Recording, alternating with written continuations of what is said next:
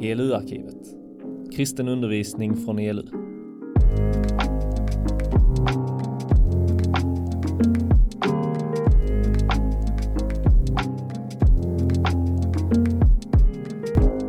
Vad roligt att få vara här. Eh, jag har sett fram emot detta. Det ska bli jättespännande.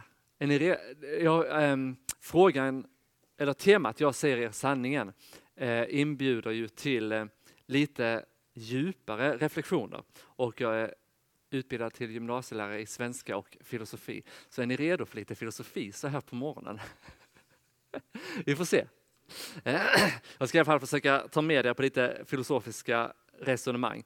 Ehm, temat är som sagt, jag säger er sanningen. Vi ska snart läsa texten, men först, det är lätt att glömma bort hur central sanningen är för våra liv.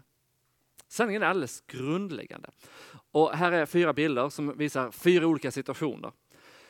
Till exempel, är det läraren lär mig sant? Det är ganska viktigt. En annan, den som konstruerar bron jag kör på, har den arbetat utifrån teorier som är sanna? Som faktiskt beskriver verkligheten? Det där är en bild på min dotter och baksidan av min fru. När jag säger jag älskar dig, är det sant? När Putin säger vi krigar inte, vi genomför en militär specialoperation, vi räddar Ukraina från nazisterna. Är det sant? Sanningen är jätteviktig.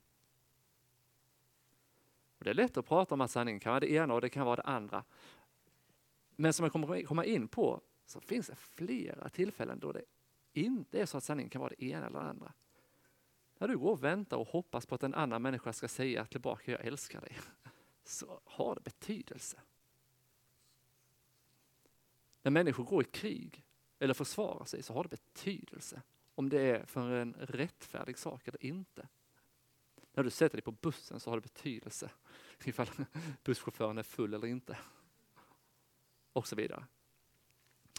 Texten Johannes 8, 31 till 36.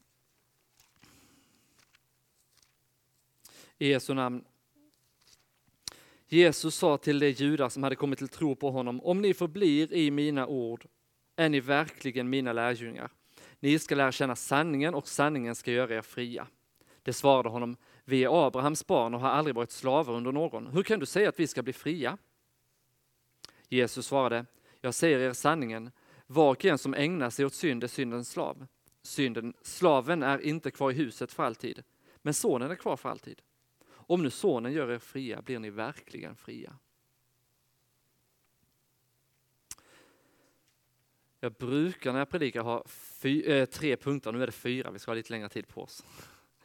Fyra punkter och de två första punkterna kommer ta det mesta av tiden för det är de lite svårare bitarna att begripa.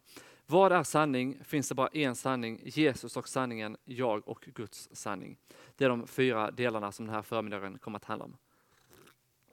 Så vi börjar med en djupt filosofisk fråga. Hur ska man egentligen definiera begreppet sanning?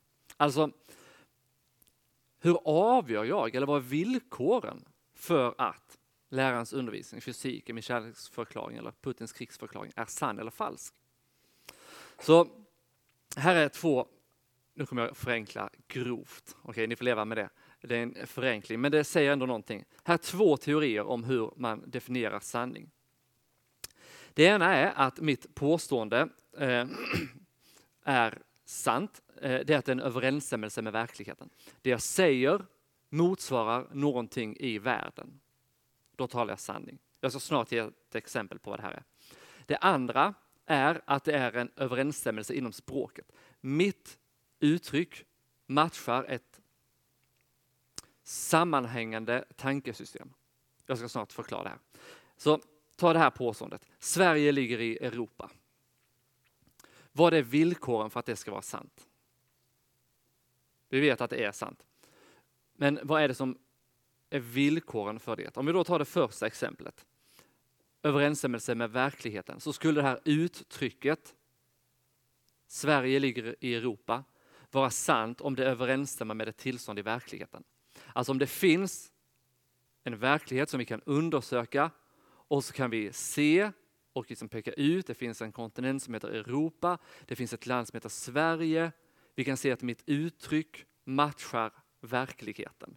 Det finns ett tillstånd i verkligheten som mitt språkliga uttryck pekar ut. Då är det sant. Och det är sant oavsett någon, om någon tror på det eller inte. Som så hela världen skulle komma överens om att det inte är sant, utan att vår kontinent egentligen heter, låt säga Nordamerika. Så kvittar det, för det skulle ändå vara sant. Det här är kanske inte det allra bästa, för språk påverkas ju såklart av de som pratar. Men ni fattar grejen i alla fall. Ni fattar grejen. Eller, och vi skulle kunna uttrycka det annorlunda då, så, så, så kvittade de språkliga eh, överenskommelserna. Sverige ligger på den norra delen av jorden. Så. så det är sant oavsett vad någon tänker. Det, det bara är så. Sedan har vi då det andra, ehm, överensstämmelse inom språket. Där kom meningen utanför, um, utanför bilden. Då skulle det vara sant, då, då släpper vi idén om att det skulle finnas en yttre verklighet som mitt språk eh, som mitt uttalande matchar. Utan då säger vi att det här uttalandet ska matcha en sammanhängande, ett sammanhängande system av övertygelser. Och det här är lite konstigt. Eh, eller det låter i alla fall Eh, det låter märkligt. Men då får man tänka så här ungefär att vi skulle till exempel kunna tänka oss att det ingår i mitt personliga sammanhängande system av övertygelser. Jag har en massa tankar i mitt huvud. Eh, jag har, förvär- jag har fått till mig en massa kunskap och jag har till exempel eh, byggt upp en inre, eh, ett inre språkligt system eller ett inre språkligt eh, kunskapsområde där övertygelsen Europa är en kontinent i världen, Sverige ingår i detta och så har jag då liksom inom mig ett språkligt uttryck som matchar detta. Eller vi skulle kunna tänka sig att det finns en språklig överenskommelse i världen. Ehm, vi har byggt upp en kunskap tillsammans, vi pratar med varandra och bygger på så vis upp en språklig värld. Ehm, och har liksom en språklig överenskommelse om att det finns någonting som kallas för Europa, det finns någonting som kallas Sverige. Vi har kommit överens om att Sverige finns i det här som man kallar för Europa och så vidare. Och då är det beroende av sammanhanget. För vi skulle kunna komma överens om att den här världsdelen kallas för Nordamerika istället. Och då skulle det inte vara sant. Det är lite rörigt, jag vet. Men poängen är att det ena är beroende av våra språkliga överenskommelser och kan alltså förändras. Det är inte objektivt sant i den bemärkelsen. Det andra har att göra med hurdan verkligheten är. Och på de här, de här två olika sätten att se, det finns såklart många fler eh, teorier om hur, vad sanning är för någonting. Men det här är i alla fall två, två stycken. Och de påverkar vår värld ganska mycket. Eh, den här första då, det här är en klassisk uppfattning. Så här, det här är liksom en grundläggande, eh, säga, ett grundläggande sätt att se på språket och verkligheten som man har haft åtminstone i 2 500 år. Alltså ungefär. Inte alla har varit överens om det, men ändå ungefär. Och tanken med det här är då att det finns en objektiv verklighet. Det finns alltså eh, en verklighet utanför oss. Och det kvittar vad du tycker eller tänker om den, för den är oföränderlig, den är densamma. Vem som helst kan gå ut och liksom observera att gräset är grönt till exempel. Till exempel. Den andra säger att sanningen är ett inomspråkligt fenomen. Vi, kan, alltså, vi skapar verkligheten med våra ord. Verkligheten är ett språkligt fenomen. Eh, okay. det, låter ändå, det låter krångligt, men man kan ändå begripa det när det gäller saker som till exempel Sverige ligger i Europa eller Sverige ligger på norra delen av eh, jordklotet eller gräset är grönt till exempel eller någonting liknande. Det blir svårare när du kommer till ett sånt här påstående. Rätten till liv är en mänsklig rättighet. Alltså det är vi ju, de allra, allra flesta i världen är överens om att rätten till liv är en mänsklig rättighet. Det finns något som kallas för mänskliga rättigheter rätten till liv är en av de grundläggande. Så när du till exempel startar ett krig och det inte handlar om att försvara dig så kränker du rätten till liv. Så. För alldeles utan att människor har förtjänat det så tar du livet ifrån dem. Du kränker deras mänskliga rättigheter.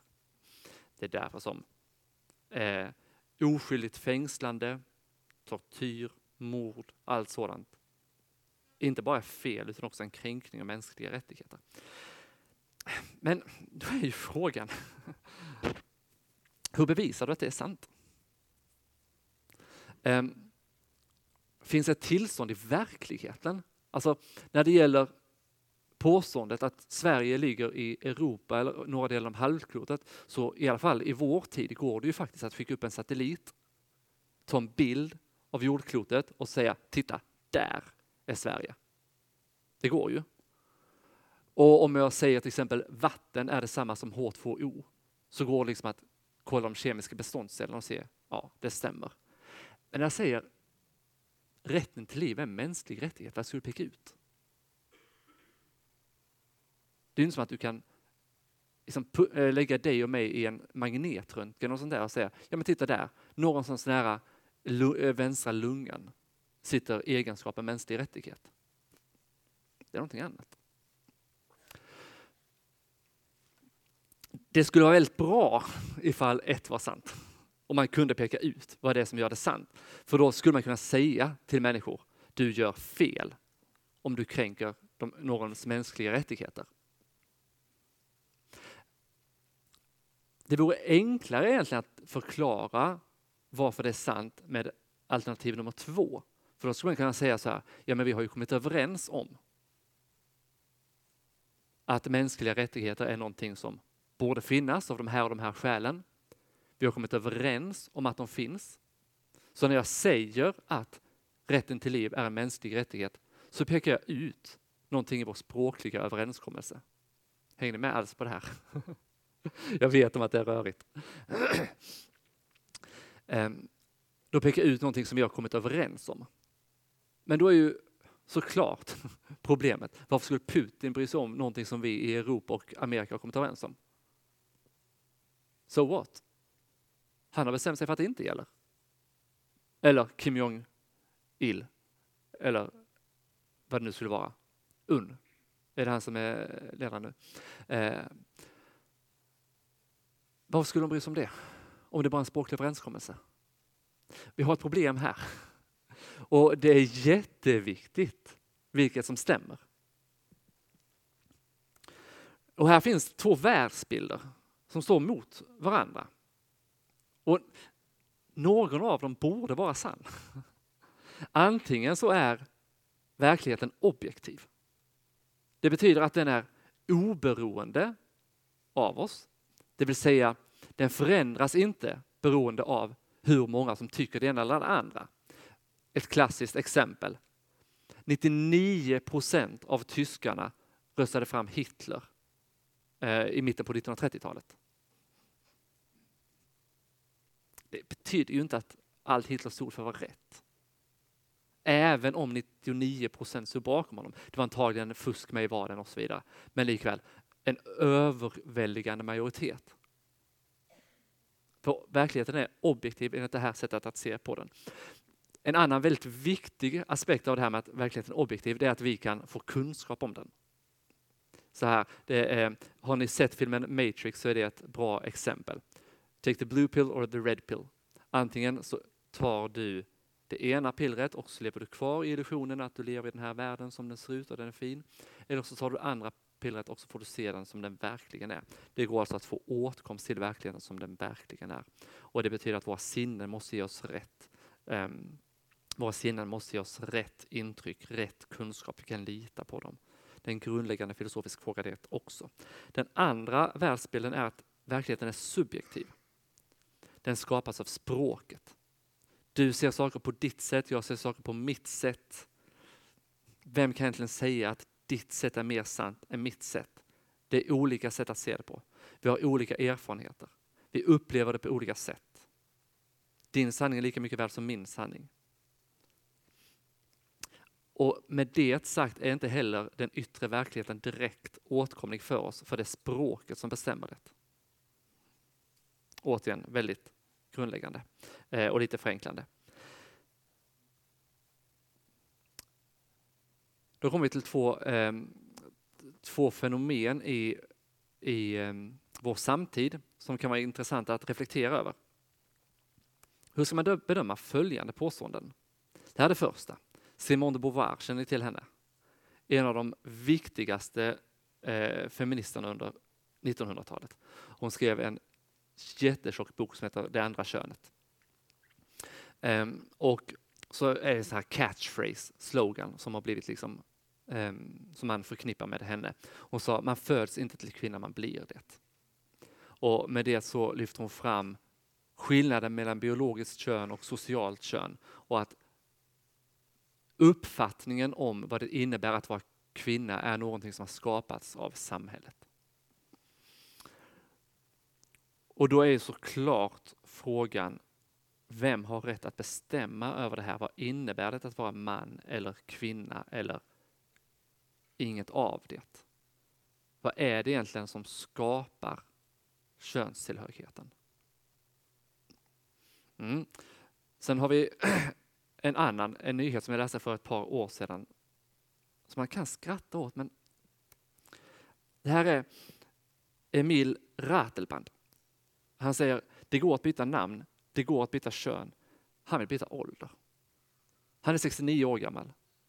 Hans läkare säger att hans biologiska ålder är runt 42-43 och han känner sig mycket yngre. Han vill att det ska stå i hans pass att han är 49 år. Han vill jobba ett tag, han vill jobba ett tag till, han vill fira för sin 50-årsdag ett, ett tag till. Man kan byta namn, man kan byta kön, varför kan man inte byta ålder? Det låter skitdumt. Men samtidigt, om verkligheten skapas av oss, skapas av språket, skapas av våra överenskommelser. Och man kan byta kön, man kan byta, och, man kan byta namn, man kan byta ganska mycket. Varför skulle man inte kunna byta ålder? Ja, men man föds ju vid en viss specifik tidpunkt, sen går ett antal år. Ja, och du föds med ett visst biologiskt kön. What's the difference? Så när Jesus säger, jag svarar inte på de frågorna, jag gör det bekvämt för mig. Vi får se ifall vi kommer eh, längre fram till de här sakerna. När Jesus säger att ni ska lära känna sanningen, så är då frågan, vad menar han egentligen?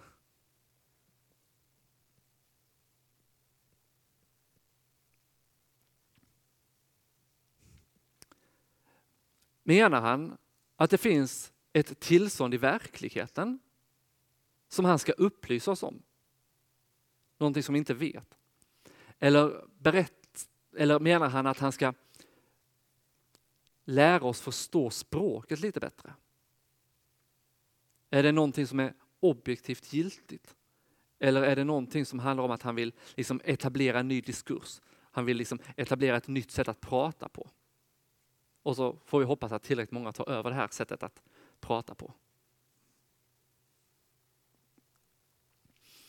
När Jesus säger ni ska lära känna sanningen talar han inte om språket men verkligheten. Jag kommer att argumentera lite mer för det här eh, snart. Och han menar att sanningen är åtkomlig. Och han menar att det han säger är sant. Det är så den kristna tron alltid har förstått hela den bibliska världsbilden.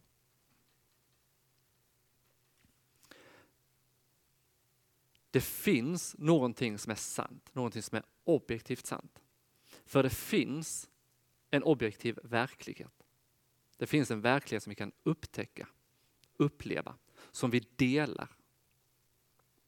Vi kan veta någonting om den här verkligheten. Vi kan få kunskap om den. Och Jesus menar att han säger det som är sant. Det går att lita på det han säger alltså. Det går att ta till sig, tro på det han säger. Det är den första delen av vad jag vill säga. Nu kommer vi till den andra. Och då är frågan, som blir ganska viktig, inte minst i vår tid, finns det bara en sanning. Och Det kan man ju höra att idén om att det bara skulle finnas en sanning är diktatur, är språkligt våld, är att göra sig själv till norm och liksom vilja pådyvla andra mina uppfattningar och säga du måste vara som jag, tycka som jag, tänka som jag. Och jag har spetsat till det lite här. Är det inte diktatur, våld, hat och början på ett världskrig att hävda att det finns en absolut sanning? Jag vet inte, men jag gissar att ni upplever detta när ni pratar med människor. Ehm, att tanken på att det skulle finnas en sanning, den är ganska magstark. För vi har alla olika upplevelser, vi har alla olika erfarenheter, vi har alla olika perspektiv och så vidare. Så vi går tillbaka till den här eh, tanken om två världsbilder. Och ska säga någonting om respektive världsbild. För de har ganska stora betydelser för hur vi lever i den här världen. Det här är samma bild som jag visade tidigare. Vi tittar på den första världsbilden. Det här är en, vad ska man säga, det här är en klassisk eh, förståelse av världen som har liksom varit vägledande i århundraden, årtusenden. Verkligheten är objektiv. Den är oberoende av oss. Det betyder att det kvittar vad du tycker och tänker och tror om den. Den är densamma. Alltså, för att ta ett liksom banalt exempel. Det kvittar vad du tycker, tänker och tror om gravitationen. Om du tar ett steg utför, eh, utför avsatsen där och ner hit så kommer du falla och slå dig ganska hårt. För naturlagarna påverkas inte vad du tänker om dem. Och de är de samma för alla, för de är objektivt giltiga. De skapas inte av vårt språk, de skapas inte av våra uppfattningar eh, och så vidare, utan de finns där, de objektiva, de går att undersöka. Men det är oåtkomligt för oss.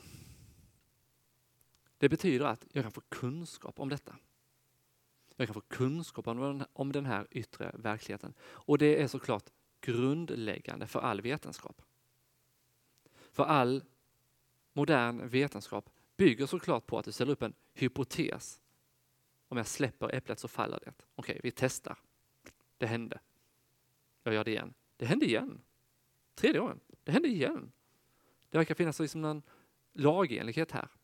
Släpper jag ett föremål som är tyngre än luften så faller det. Och så vidare. Och det går att undersöka. Och då måste man liksom ställa upp, då kan man ställa upp sådana hypoteser, man kan testa dem, man kan verifiera dem, alltså bekräfta om de är sanna eller komma fram till att de inte håller. Och så har man ju arbetat med vetenskap under lång tid. Och det är grundläggande såklart att naturen är lagenlig, att den beter sig på ett visst sätt så att om jag släpper äpplet idag så faller det och släpper jag det imorgon så faller det också. Går solen upp idag kommer den också upp imorgon. Det finns en lagenlighet i det här och det är nödvändigt för att det ska gå att bedriva vetenskap. Jag tänker själva, om vi hade liksom kunnat släppa äpplet idag och så faller det och sen så när vi provar en timme senare så hänger det kvar i luften. Hur ska vi beskriva det egentligen? Och det skulle också skapa en enorm ångest. Alltså en enorm ångest. Tänk dig själv. Ena gången du ramlar så bara står du upp. Du ramlar inte. Andra gången så går du, äh, faller du och slår dig hårt. Hur ska du hantera det egentligen? Hur ska du lära dig hur man beter sig i rummet? Det är jätteviktigt. Och Det innebär också att världen kan upptäckas. Och här har onekligen kristen tro varit jätteviktig i att föra fram det här, i tron på att det finns en Gud som inte är styrd av lagar men som har satt, som har satt lagar för världen. Eh, det finns en julsång eh, där det är en vers som går ungefär Han som skapat universum som satt lagarna för allt.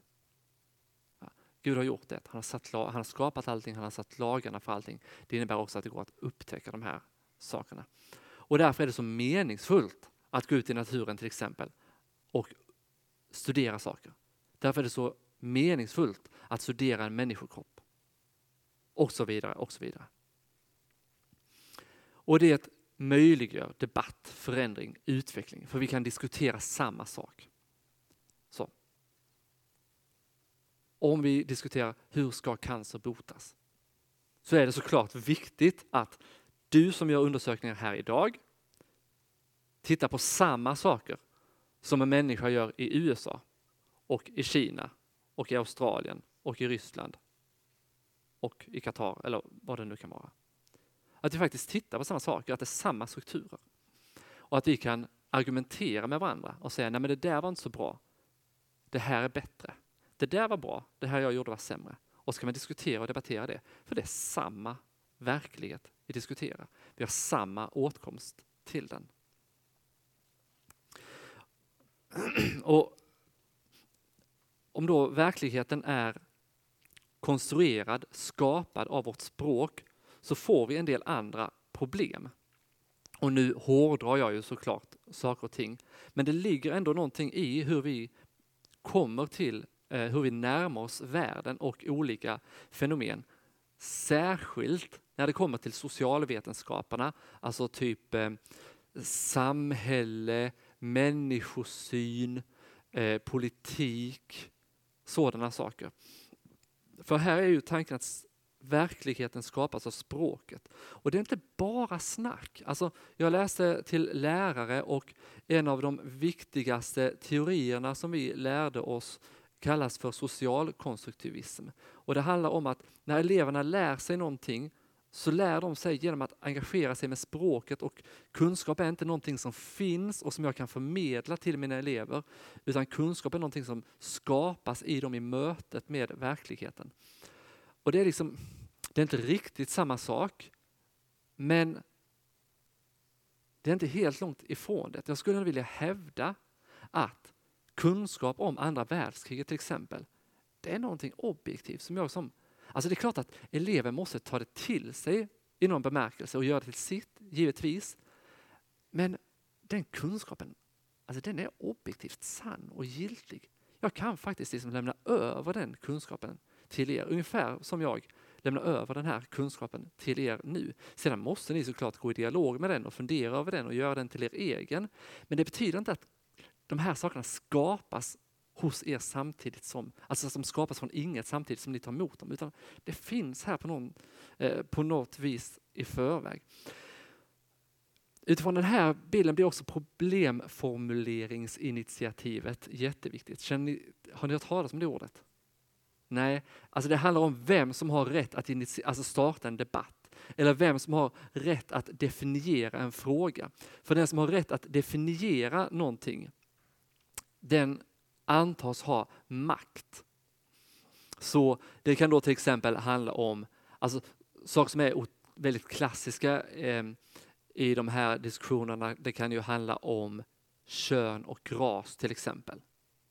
Så, och här talar vi väldigt mycket om makt och underordning. Jag tror ni känner igen i alla fall delar av detta från Black Lives Matter-rörelse, eh, identitetspolitik, den typen av idéer. De kommer väldigt starkt ur den här typen av världsbild. Det betyder inte att allting därifrån är dåligt. Absolut inte. Det är bara det att det kommer ur två olika, eh, två olika sätt att se på verkligheten på. Och då är ju frågan då, generellt sett så brukar man ju säga att vit medelklassman är den som har problemformuleringsinitiativet. Det är den som har positionerna att liksom skriva till exempel i tidningarna och på det viset bestämma vilka frågor som ska diskuteras, hur verkligheten ska uppfattas, eh, hur vi ska tänka om saker och ting. För den som har, för, har förtroendet att formulera sig först, den sätter också agendan och den skapar vad vi ska tänka. Och då blir också frågor om maktanalys till exempel eh, väldigt viktiga. Och om verkligheten är de här språkliga överenskommelserna, språkliga eh, striderna, så Dels innebär det en typ av våld att hävda att det skulle finnas en sanning.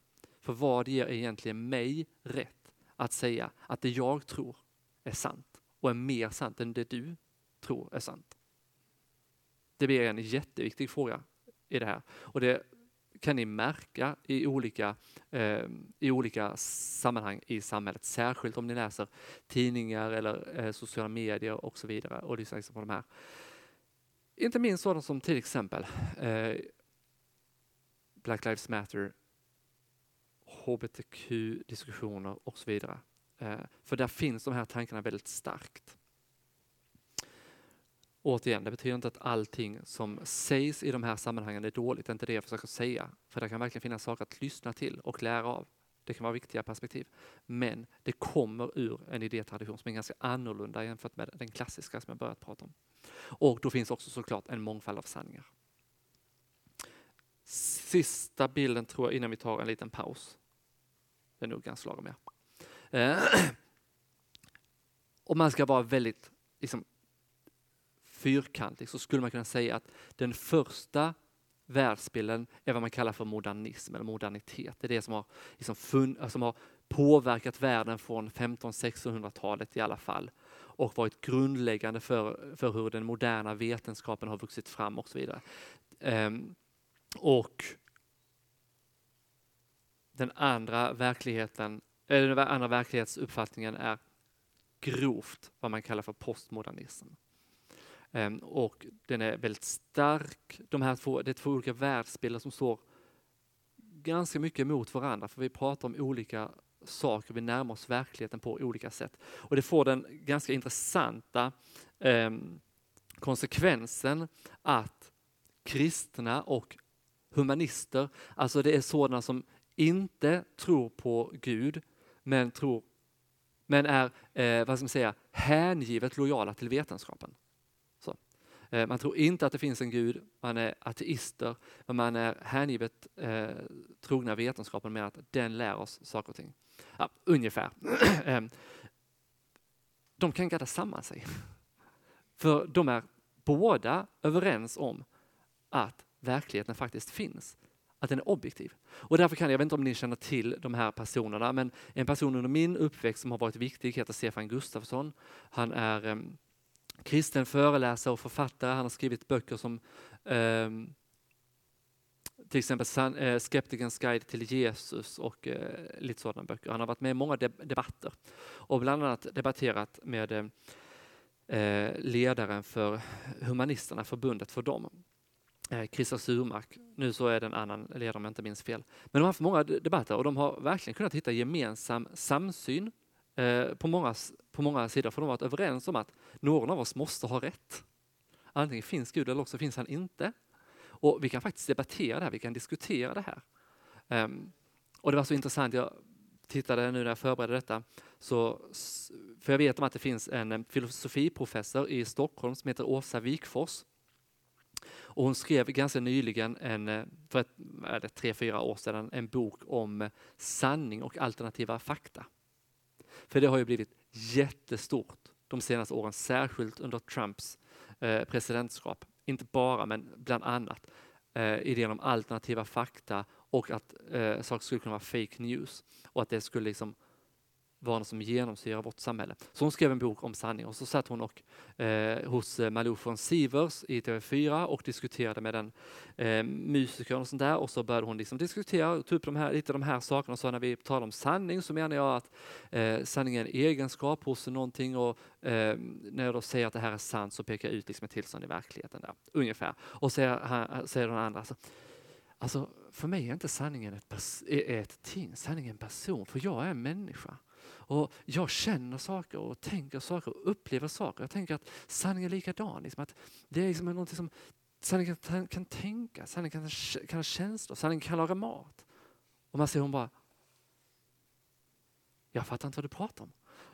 Och det är liksom två ganska överdrivna saker men det kan ändå säga liksom någonting om man ska hårdra två verklighetsbilder. Um, så är de två ganska roliga exempel. Okej, vi tar en paus här, får lite liksom vila huvudet.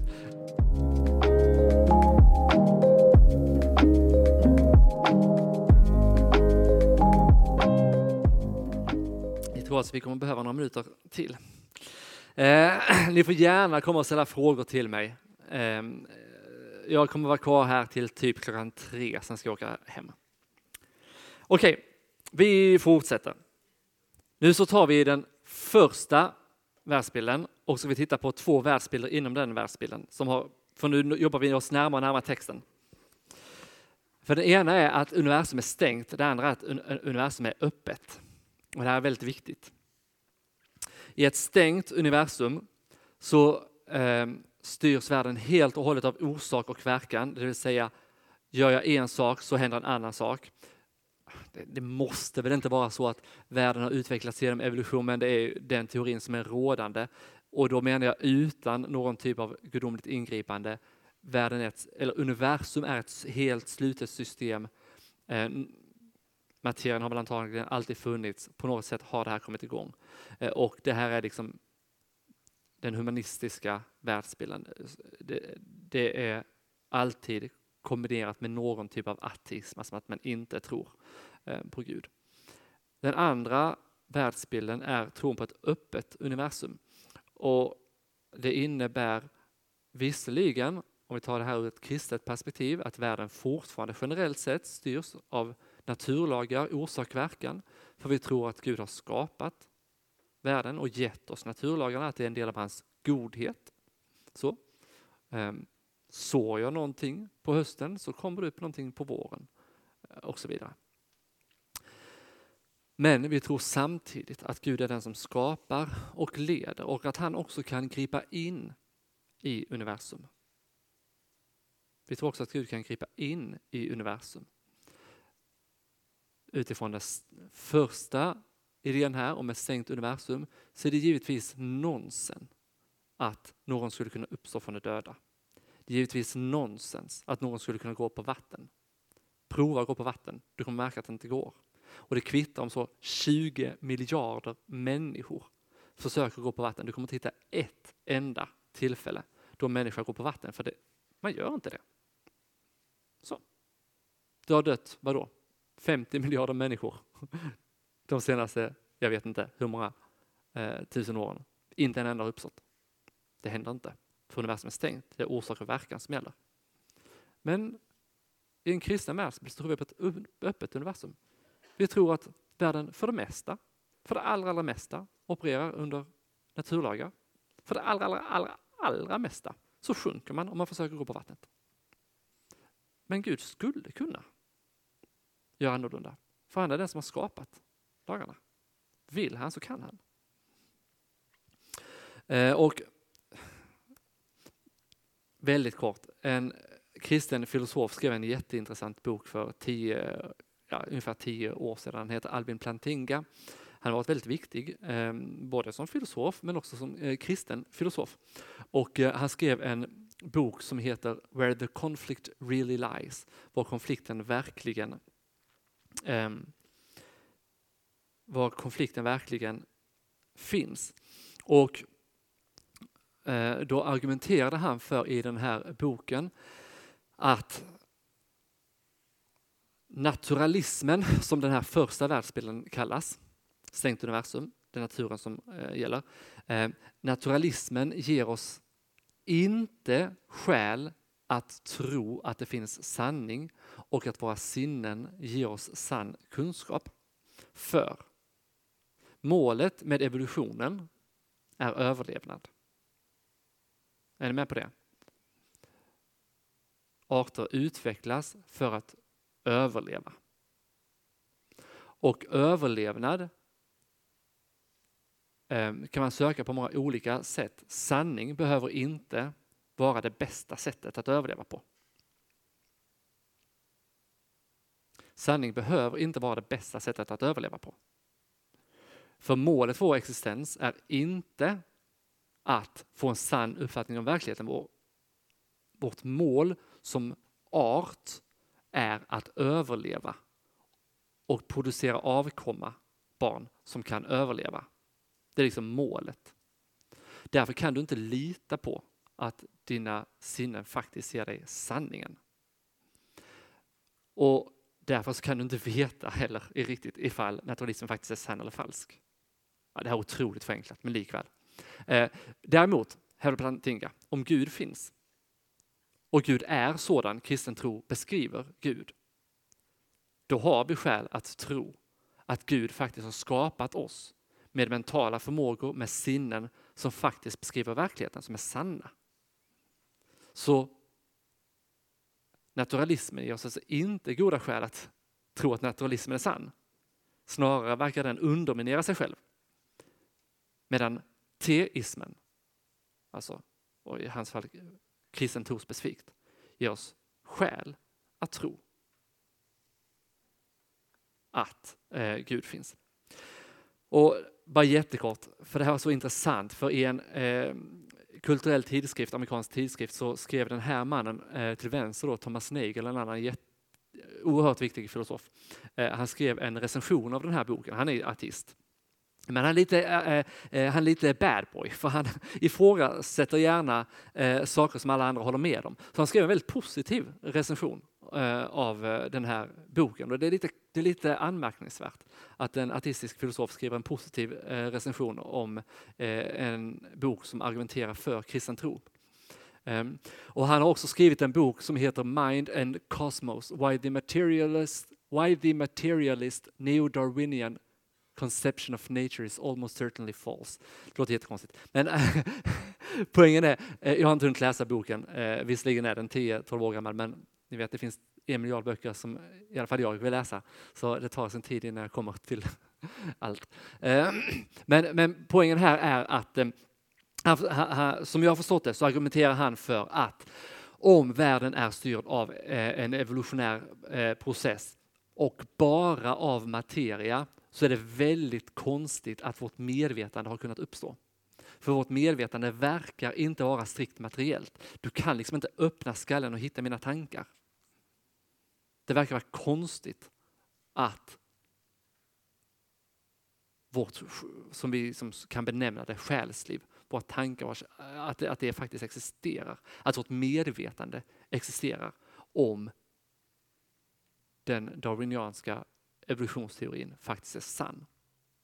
Ja, lite intressant att eh, en artist faktiskt skriver en sådan bok och att han då också eh, skrev positivt om den här. Eh, och så sammanfattar han då tesen i boken så här. Hans övergripande påstående är att det finns ytlig konflikt men djup samstämmighet mellan vetenskap och teistisk religion. Men ytlig samstämmighet och djup konflikt mellan vetenskap och naturalism. Så och det här är intressant, för hela världen, skolan, alla era lärare, alla säger till er, man kan inte tro på Gud och eh, vara för vetenskap samtidigt. Det är ovetenskapligt att tro på Gud. Är du sann vetenskapsperson, alltså om du verkligen tror att vetenskapen stämmer och ger sanningen, då måste du vara artist.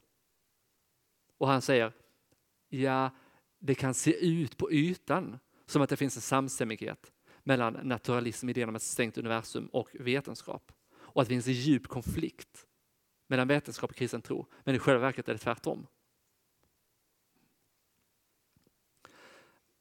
Väldigt intressant. Jag kan ge referenser eh, närmare sen, men det kräver lite, eh, eh, lite tid att läsa de här böckerna.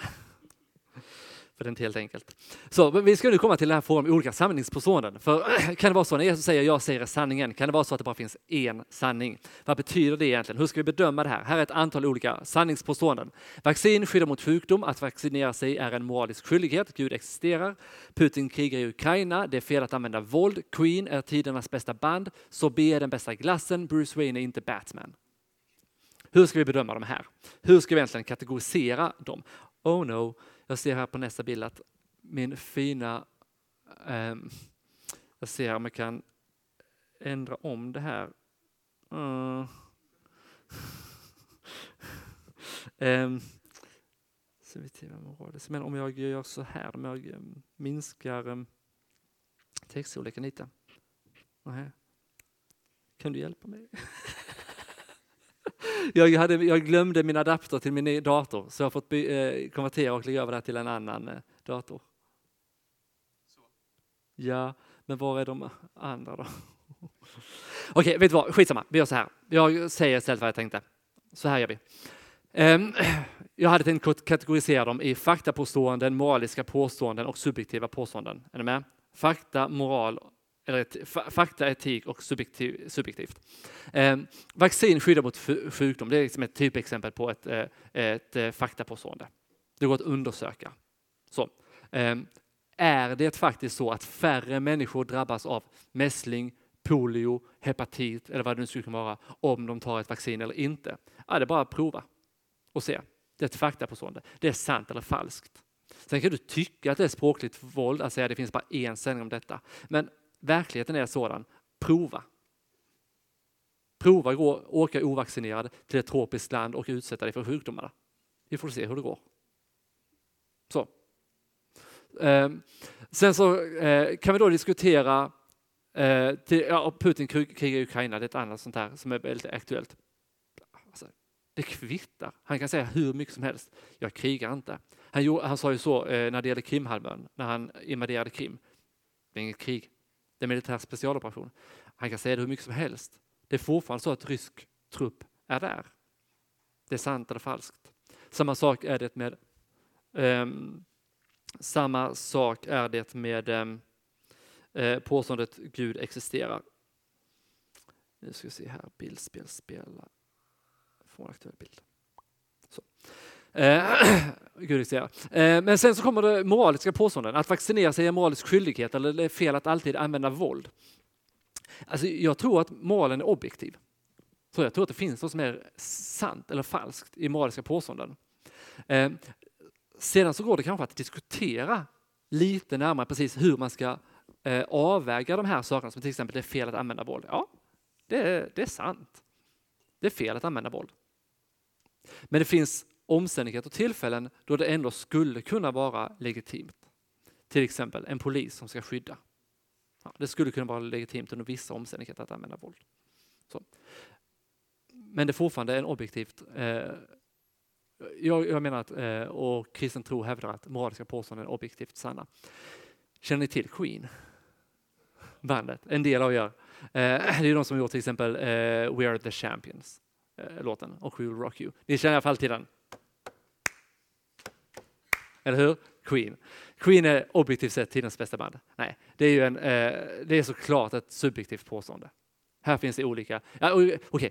i så fall skulle vi behöva komma överens om villkor. Vad är det vi bedömer för någonting? Är det te teknisk skicklighet med musiken? Är det hur många som tycker om? Är det hur många eh, skivor som har sålts? Då kanske man skulle kunna hitta liksom objektiva villkor. Men annars är det faktiskt ett subjektivt påstående. Så, du skulle säga nej, det är det inte. Det är One Direction. Okej, okay. hur, alltså, hur ska jag avgöra det egentligen? Um, sorbet är den bästa glassen. Då kommer den viktiga frågan, är sorbet glass? Så. Eh, men sen kommer en annan svår fråga. Bruce Wayne är inte Batman.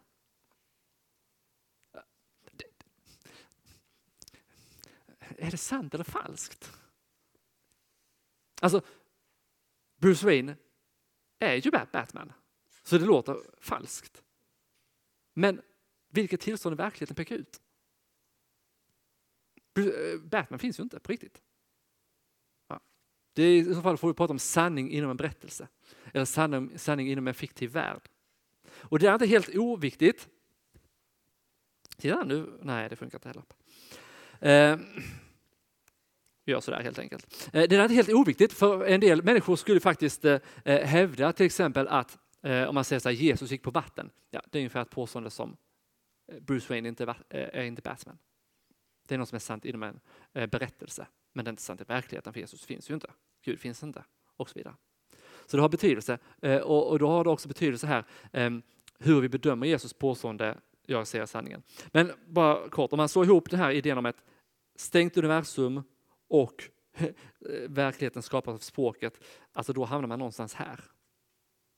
Och nu försöker jag inte säga att de här är likadana, eh, det är inte det jag försöker säga, men Trump körde så hårt på idén om fake news Eh, och även saker som var sanna körde han stenhårt på det fake news och försökte på det viset liksom skapa verkligheten. Eh, och Putin gör samma sak. Nej, vi bedriver inget krig. Vi avnazifierar, så vi skyddar Ukraina mot, befolk eh, mot nazisterna trots att Zelenskyj är jude. Det är lite konstigt. Men språket skapar verkligheten. Några preliminära slutsatser. Utforska världen för dig Sök sanningen, argumentera och diskutera. Var noga med distinktionerna. Alltså diskussionen betyder ta reda på vad är det vi pratar om för någonting. När du pratar om finns det bara en sanning, hur kan du hävda att det finns en sanning? Ja, det beror på vad det är för någonting vi pratar om. Pratar vi om påståenden som Queen är världens bästa band eller så B är världens bästa glass? ja, då kan det finnas en pluralism. Pratar vi om Gud finns eller inte? Alltså det är det antingen eller. Det finns liksom inget mellanting. Antingen är det sant eller också är det inte det. Åtminstone sådant som Gud beskrivs i eh, kristen tro. Okej, okay, Jesus och sanningen. Ni ska lära känna sanningen, säger Jesus. Vem tror han att han är egentligen?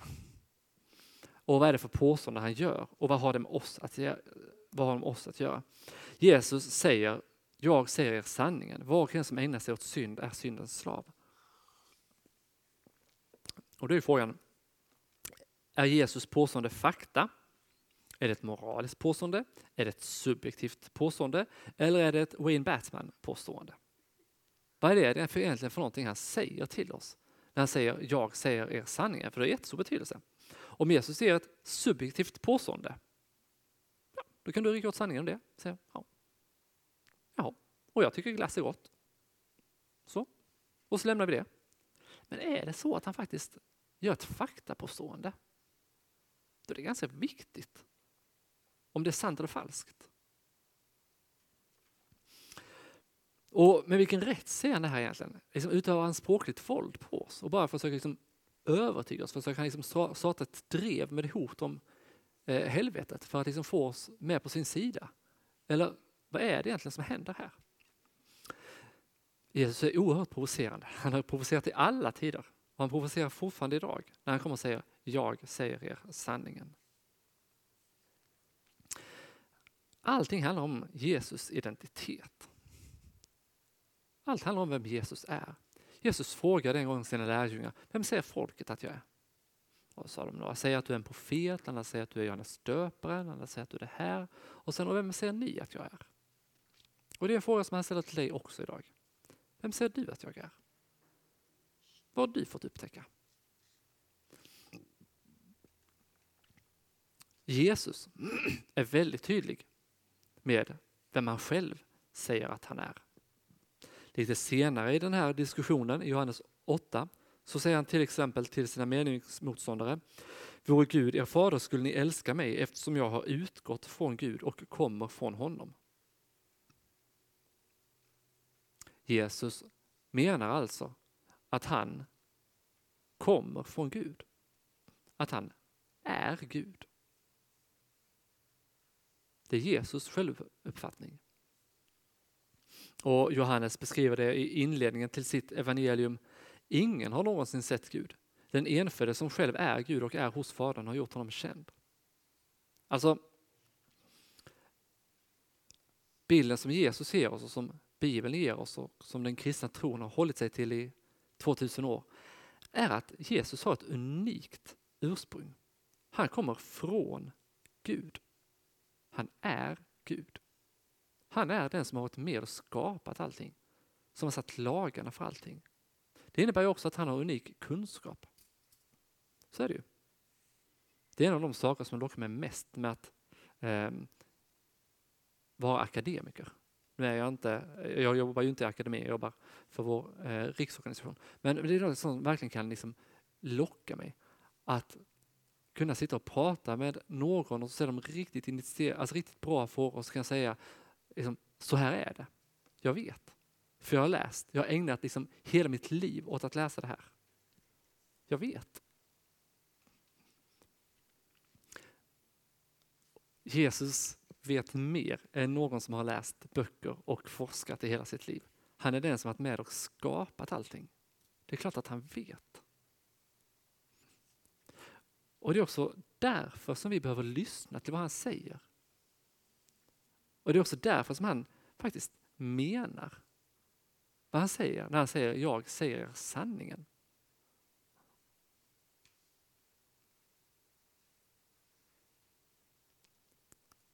Och det är en sanning som befriar. För det låter ju såklart väldigt, eh, kan låta otäckt eh, när Jesus säger var och en som ägnar sig åt synd är syndens slav. Men det är ju så att i all medicin så föregår diagnosen behandlingen. Det är ju så när jag kommer till läkaren så är det för att jag upplever att någonting är fel. Och då är jag ju inte hjälpt av att läkaren liksom gör en diagnos av mig och sen så säger han bara det jag vill höra. Utan jag behöver faktiskt veta vad det är som är fel. Och det kan ju vara fruktansvärt. Du har fått en obotlig sjukdom. Eller du har fått en allvarlig sjukdom men det finns en möjlighet att bota det eller åtminstone sakta ner. Jag behöver såklart få veta det, även om det krossar min värld. Och om det krossar min värld, det är inte läkarens fel. Det är inte läkaren som hatar mig. Man skulle kunna säga så, varför hatar du mig? Han hatar mig inte för att han berättar att jag har fått cancer eller ALS eller vad det nu skulle kunna vara. Det är inte det det handlar om. Han måste sätta ord på verkligheten. Så här är det. Det här kan vi göra för att bota eller lindra eller vad det nu skulle kunna vara. Och på liknande sätt, om Jesus faktiskt är den han säger sig vara. Så när han säger, det som gör synd är syndens slav, så säger han inte det för att fånga oss. För det är också en väldigt vanlig eh, missuppfattning. Att kristna vill liksom bara lägga massa bördor på människor och binda ihop deras samveten så de blir riktigt, riktigt krökt och säga du är så dålig, du är så dålig, du är så dålig. Men Jesus älskar dig. Ja, det är inte så det funkar. Utan Jesus beskriver verkligheten. Världen är sönder. Den är sönder också i mig. Jag är en del av det. Det har drabbat mig också. Jag kan inte göra det goda. Jag vill inte älska Gud. Det är de som har gått irreparabelt sönder. Det har gått helt sönder. Världen är i den ondes våld. Synden är en verklighet, döden är en slavdriva. Varje människa föds bort från Gud. Vi är alla på väg åt fel håll, bort från Gud. Paulus beskriver det så här, alla har syndat och saknar härligheten från Gud. Det är liksom diagnosen. Men botemedlet kommer i nästa vers och det förklaras rättfärdiga som en gåva av hans nåd därför att det är friköpta av Kristus Jesus. Sanningen befriar. Diagnosen, det vi med lutherska ord kallar för lagen, alltså den som avslöjar vår synd och säger du håller inte måttet. Men evangelium som befriar och säger men Jesus har dött i ditt ställe. Eller Hebreerbrevet 2 står det bakom eh, loggan.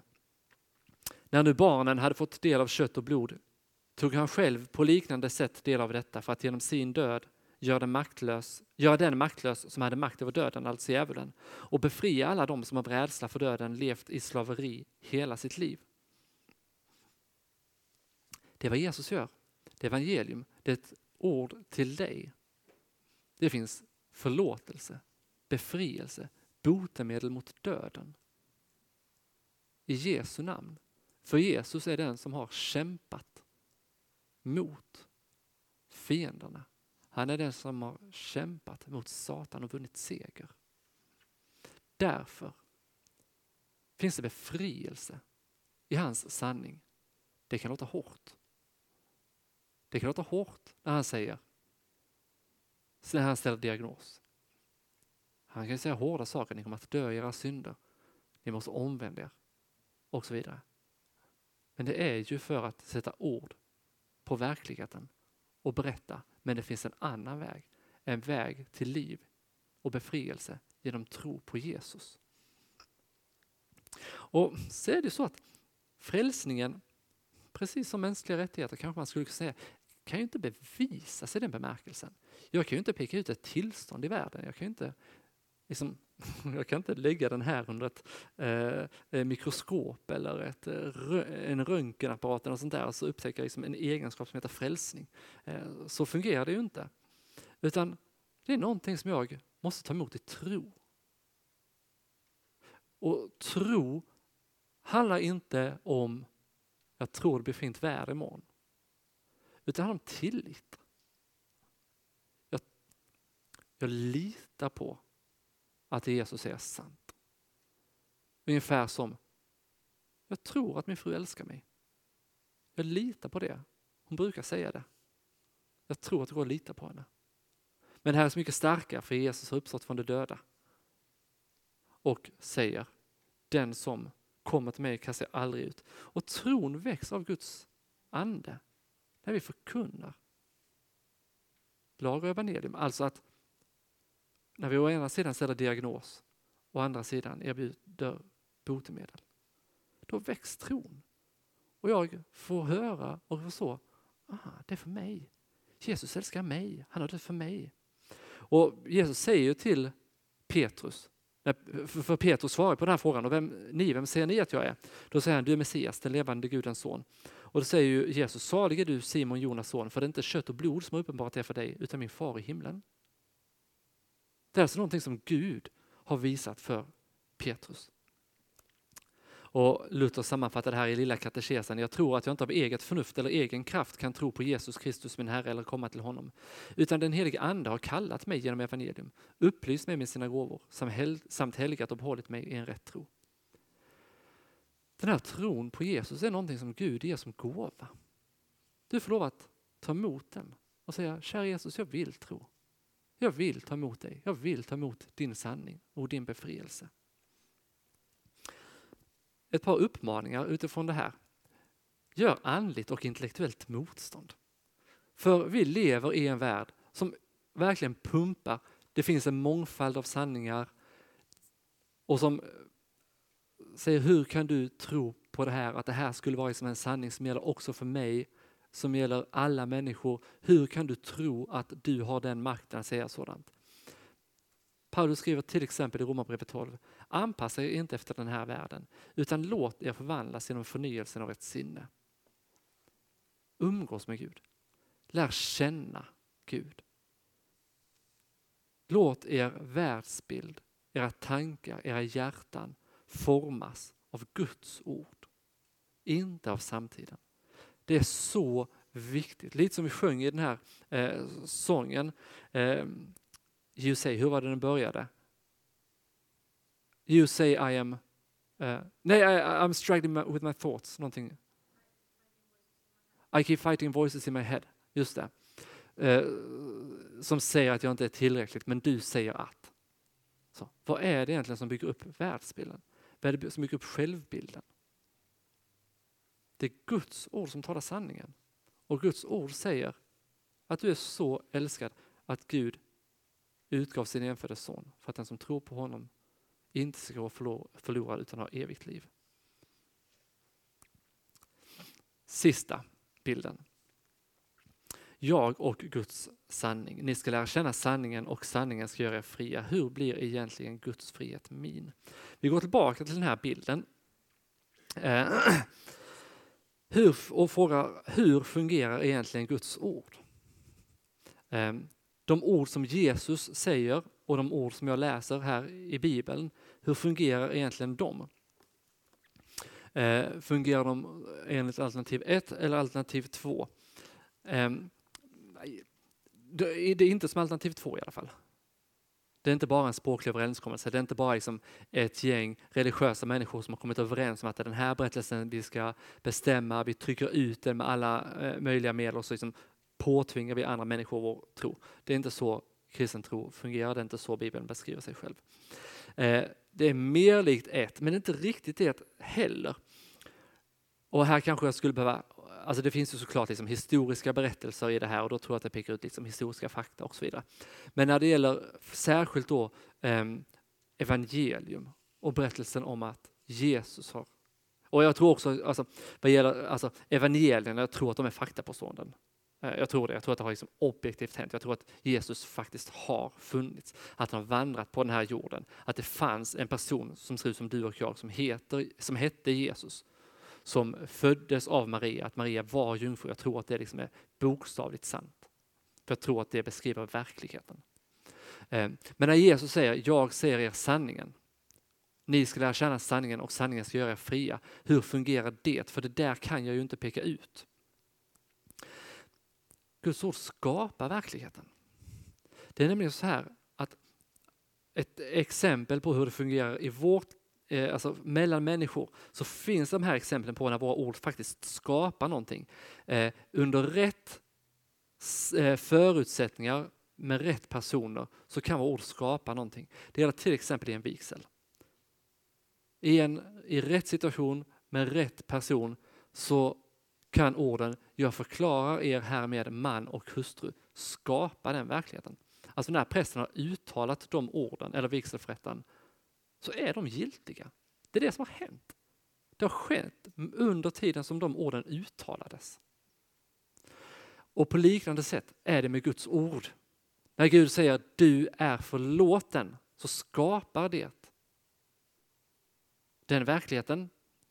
Och därför är det så viktigt vad vi tar till oss i livet och vilka röster som får tala till oss. För Guds ord skapar verkligheten. När Gud säger att du är förlåten, du är ren och rättfärdig för Jesus skull, så skapar han det. För Jesu ord skapar. Han är Gud själv. Hans ord har den makten. Han är rätt person under rätt omständigheter. Där evangelium förkunnas enligt med Guds ord. Där skapas en verkligheten. Du är lös, fri och ledig från dina synder i kraft av Jesu ord. Jag säger sanningen, säger Jesus. Den som hör mitt ord och tror på honom som har sänt mig, han har evigt liv. Höra, tro. De hör samman. För det är Jesu ord som gör detta. Gud sa var det, ljus blir till. Det blev ljus. Guds ord skapade det. Jesus sa, jag vill, bli ren. Och han blev ren. Jesus sa, lilla flicka jag säger dig, stå upp. Och hon stod upp. Jesu ord skapar verkligheten. Och Jesu ord skapar också verkligheten i ditt och mitt liv. Hur befriar Gud i ditt liv och i mitt liv? Genom sin förkunnelse. Det är jätteviktigt att lyssna till predikan. För Gud skapar någonting i det. Gud påminner dig om sin förlåtelse. Han bygger upp din människa. Genom att ta del av förlåtelsen befriar Gud dagligen. Han förnyar dig när du lever i daglig omvändelse. Jesus säger om nu sonen gör fria blir ni verkligen fria. Guds vilja är min frihet.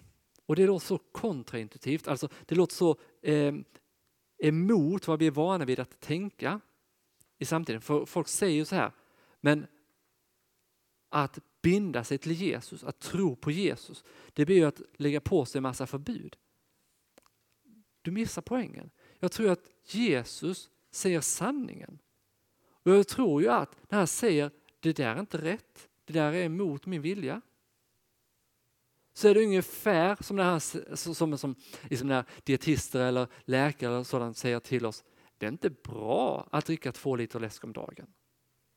Då kan jag tycka så här, liksom, ah, du begränsar min frihet, du hatar mig, du vill förstöra mitt liv, för jag älskar läsk. Men det är inte bra, det är objektivt inte bra. Du mår inte bra. Det leder till psykisk ohälsa att eh, dricka för mycket alkohol. Det gör det. Det kvittar hur mycket du tycker om det. Det skadar dig, det bryter ner. Och på liknande sätt, det Jesus säger är sant. Hans vilja är min frihet. Gud definierar verkligheten. Det kommer att skapa lidande, men det leder till liv. För det kommer ni märka, att människor kommer reagera och tycka illa och ifrågasätta er. Men Guds sanning befriar. Jesus sa, detta är domen, ljuset kom in i världen, men människorna älskade mörkret mer än ljuset eftersom deras gärningar var onda. Men ljuset lyser mörkret och mörkret har inte övervunnit det. Låt oss be. Tack kära gode Herre Jesus för att ditt ord befriar. Tack för att du är god mot oss. Vi ber om hjälp att lita på dig, tro på dig och låta ditt ord definiera oss. I Jesu namn. Amen.